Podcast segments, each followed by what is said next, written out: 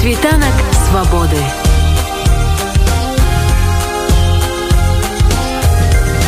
Спіць вольнасці.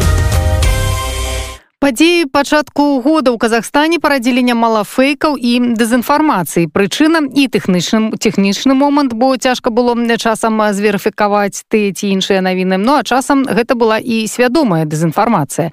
Выяўленнем фэйкаў у Казахстане займаецца партал фактчек КЗ. Вольга Сямашка пагаварыла з яго галоўным рэдактарам Паўлам баннікавым пра тое, якой інфармацыі варта верыць, а да якой варта падыходзіць крытычна.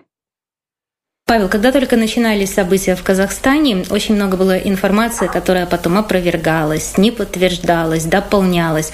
Это чисто технический момент или все-таки с вашей точки зрения кто-то намеренно распространял эту дезинформацию? С одной стороны, технический момент, потому что, э, во-первых, э, как вы понимаете, внешняя связь была отключена, и внутри страны не работал практически интернет. А с другой стороны, были намерены дезинформационные вбросы как изнутри Казахстана, так и извне. А сейчас вот ситуация, по вашим оценкам, со всеми этими фейковыми новостями, с дезинформацией, она улучшилась? Внутри Казахстана сложно сказать. Э, большей частью э, сами граждане, которые были запутавшиеся и ничего не понимали, то есть скорее можно сказать, что ненамеренное дезинформирование, а, поскольку сложно определиться, вообще понять, что происходит, когда взрываются светошумовые гранаты, кто-то принимал светошумовые за реальные. Распространялись э, несколько роликов, где были а, наложены автоматные очереди. Это было еще 4 э, числа, когда стрельбы не было. Стрельба началась 5. Да. Явно звук был наложен в аудиоредакторе, потому что было очень похоже на а, звук автоматной очереди из какого-нибудь э, банка звуков. А, фейков я бы не сказал, что меньше, но вновь э, пошли распространяться ковидные фейки, не только фейки о событиях начала января, а с информацией все не очень хорошо, потому что, как мы понимаем, в таких условиях получить полную достоверную информацию очень сложно. А, власти публикуют э, информацию дозированно, возможно, у них у самих нет еще полной информации.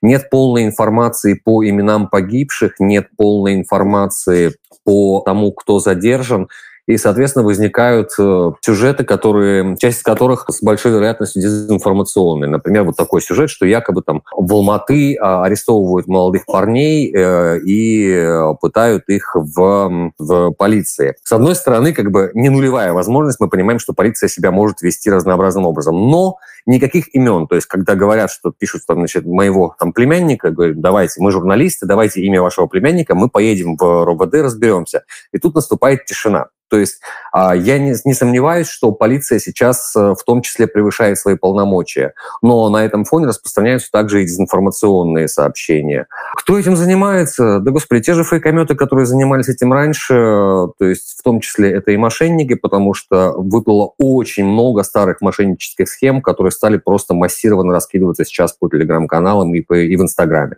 А если брать вот э, те события, которые произошли в Казахстане, какие самые очевидные фейки вот вы вычислили? Самый очевидный это был вброс э, э, якобы российского спецназовца. Это произошло, по-моему, 5 января, который якобы типа прилетел уже в Алмату и э, говорит, что типа братик мы уже тут, типа мясо едим, мы спьем, значит будем мочить казахов завтра. Там все достаточно э, прозрачно, как бы и видно, что и форма э, немножко не соответствует э, той форме, в которой континент ОДКБ походит. Ну и, понятно, само поведение, это поведение э, малолетнего гопника, э, такого лет 18, а отнюдь не профессионального военного. В общем, ну вот это, наверное, один из самых популярных сюжетов. Что еще было? Был ряд э, видео, опять же, фейков, которые были не с улицы Алматы, а с, из других стран.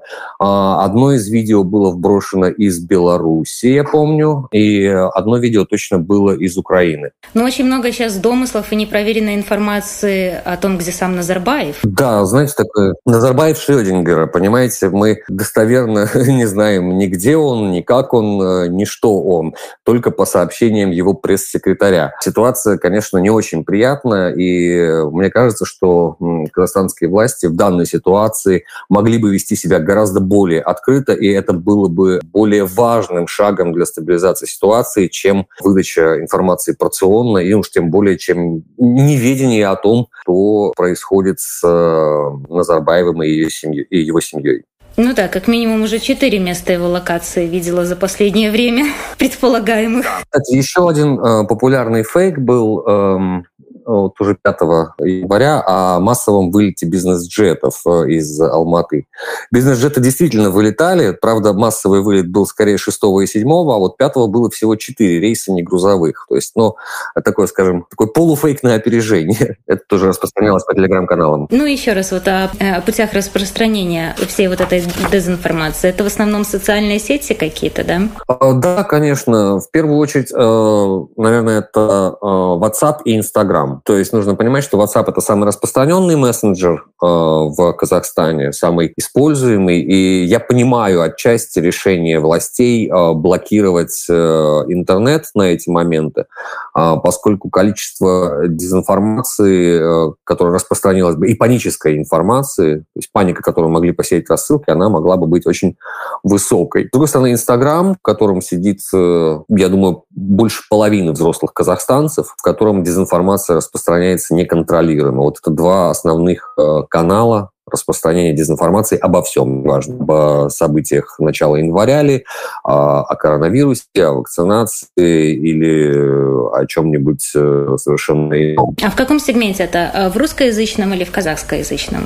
В обоих, в обоих. Если говорить о WhatsApp, то, наверное, это 50 на 50. Если говорить об Инстаграме, то, наверное, большая часть дезинформации и более чувствительная часть дезинформации распространяется на русском языке, а не на казахском. Мы сейчас готовим, вот я буквально в данный момент сижу над отчетом, мы делали большое исследование тому, как распространяется дезинформация о вакцинации в Казахстане. И я могу сказать, что наверное, казахоязычное пространство оказалось чуть более устойчивым к этой дезинформации, чем русскоязычное.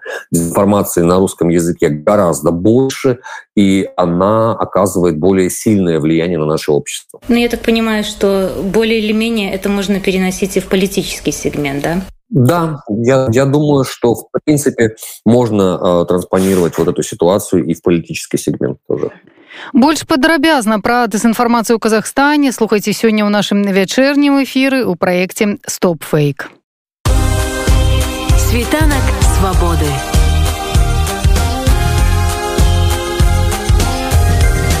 Świt wolności